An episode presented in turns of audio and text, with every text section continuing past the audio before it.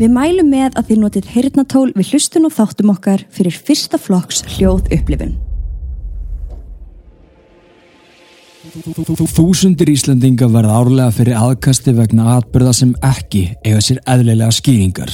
Í gegnum tíðina höfum við fengið talsvert af sögum sendar til okkar þar sem fólk er raunverulega að lýsa hræðslu og óta á yfir náttúrulegri upplifun. Atvikum sem hafa komið fyrir þau á stopnunum, vinnustöðum, en þó lang oftast inn á þeirra eigin heimilum. Í þessum þáttum munum við fara yfir aðsendar sögur, deila þeim með ykkur og rýna betur í þar saman. Ég heiti Stefán John Og ég heiti Katrín Bjarkadóttir og þetta eru sannar íslenskar draugasögur.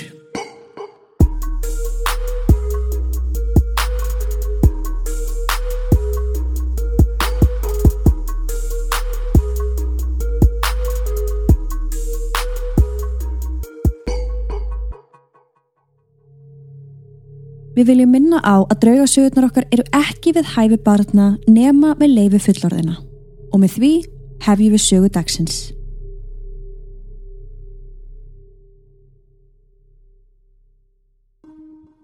Komið þið sæl, elsku, bestu áskrifundur.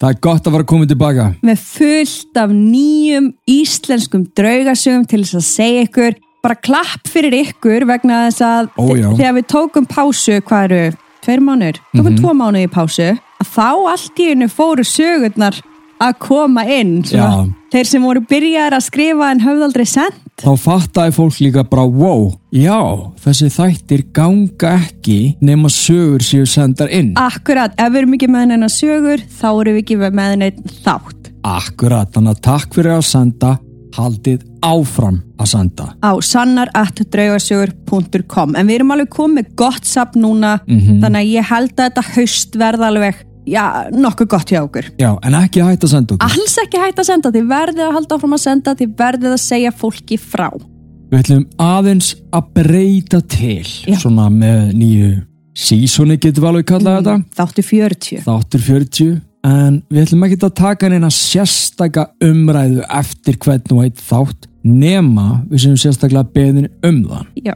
Stundum munum við gera það, stundum ekki. í rauninni þá ætlum við að hafa þetta bara svona örlítið lauslegra Mm þannig þá komum við í rauninni fleiri sögum frá ykkur inn í einn þátt Já, stundum fannst okkur við kannski vera að segja sama hlutin oft akkurat. ef að sögur voru sveipaðar það er í raunin algjör óþarfi þannig að við ætlum að hafa þetta svolítið þannig að við förum yfir sögurnar og erum bara svolítið að diskotera á meðan Og svo kannski á eftir þá tökum við svona smá round-up um alla sögurnar. já, svona í lokin þannig að ég vona að þið verðið sátt við þessa breytingu ég held þetta ég alveg eftir að koma vel út svona held ég líka. Og það er ekki eftir neina að býða, skellum okkur í þetta. Saga 1 Einbýlishúsið Þessi saga kemur frá Elfu og hún byrja svona Hæ hæ, ég er með smá sögu sem þið megi nota í podcastin ykkar ef þið hafið áhuga. Kanski ekki merkilegasta sagan en þetta er allavega mín upplifun af draugagangi. Fóreldra mínir keiftu einbýlishús árið 2009. Húsið var stórt og mikið á þremur hæðum, lappaðir inn utanfrá á aðra hæð og þegar að komiðir inn í forstofu er hurð aðeins til vinstri og þar er lappa niður stiga til þess að fara í kjallaran sem er nánast allur grafin niður í jörð. Ef hortir út um gluggan sér maður grasflöt í augnhæð sem er garðurinn. Elskar að fá svona góða lýsingu af umhverfinu sem að við erum að fjalla um. Sammála. Kjallarinn er hólfaskiptur í fjórar geimslur og almennt þvottarými. Svo fyrir aftan einn vegg er bara mold. Á annari hæð er eitt svefnherbergi sem var mitt herbergi, stofa, eldús og lítið baðherbergi. Svo á efri hæðinni eru fjögur svefnherbergi, baðherbergi og geimsla sem eitt sem var eldús. Þannig að þetta er hjúts. Þetta er stórt staf. Þetta er stórt hús. Ég þarna 15 ára gömul á þrjár yngri systur. Þryggja, fimm og níu ára. Einn daginn er ég að passa sýstu mínar. Tvær eldri voru niður að horfa á sjónvarpið og ég var að fara að svæfa þessa yngstu. Þetta tiltekna kvöld vildi hún fá að sopna í herbergi foreldri okkar sem var allt gott og blessað. Ég set hann upp í rúm og stekk svo á klósettið. En þegar ég kem tilbaka, setur svo stutta í hægindastól sem var inn í herberginu sem að langafi okkar átti og við fengum eftir að hann lést. Þarna satt hún og stóllin ruggaði og hún var að eiga samræður við einhvern sem að ég heyriði ekki í. Það var eins og hún var að svara spurningum og það komu pásur á milli eins og hún var að hlusta á einhvern. Full komið atrið í bíómið sko Sérðu þetta ekki fyrir þér? Algjörlega Ég stendi hurðina þannig að hún sér mig ekki en ég skelvingu lostin og tek eitt skref bak en húsið var gamalt og því brakaði í því svo hún heyrði. Þá heyri hann að segja góða nótt og hún kemur fram. Ég spyr hana hvað hún sé að gera á fótum og þá svarar hún.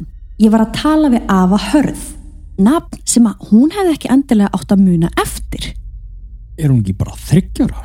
Jú, og samkvæmt mínum skilning og eins og hún er að segja, þetta batna á ekki að muna eftir þessum Ava. Nei, akkurat What?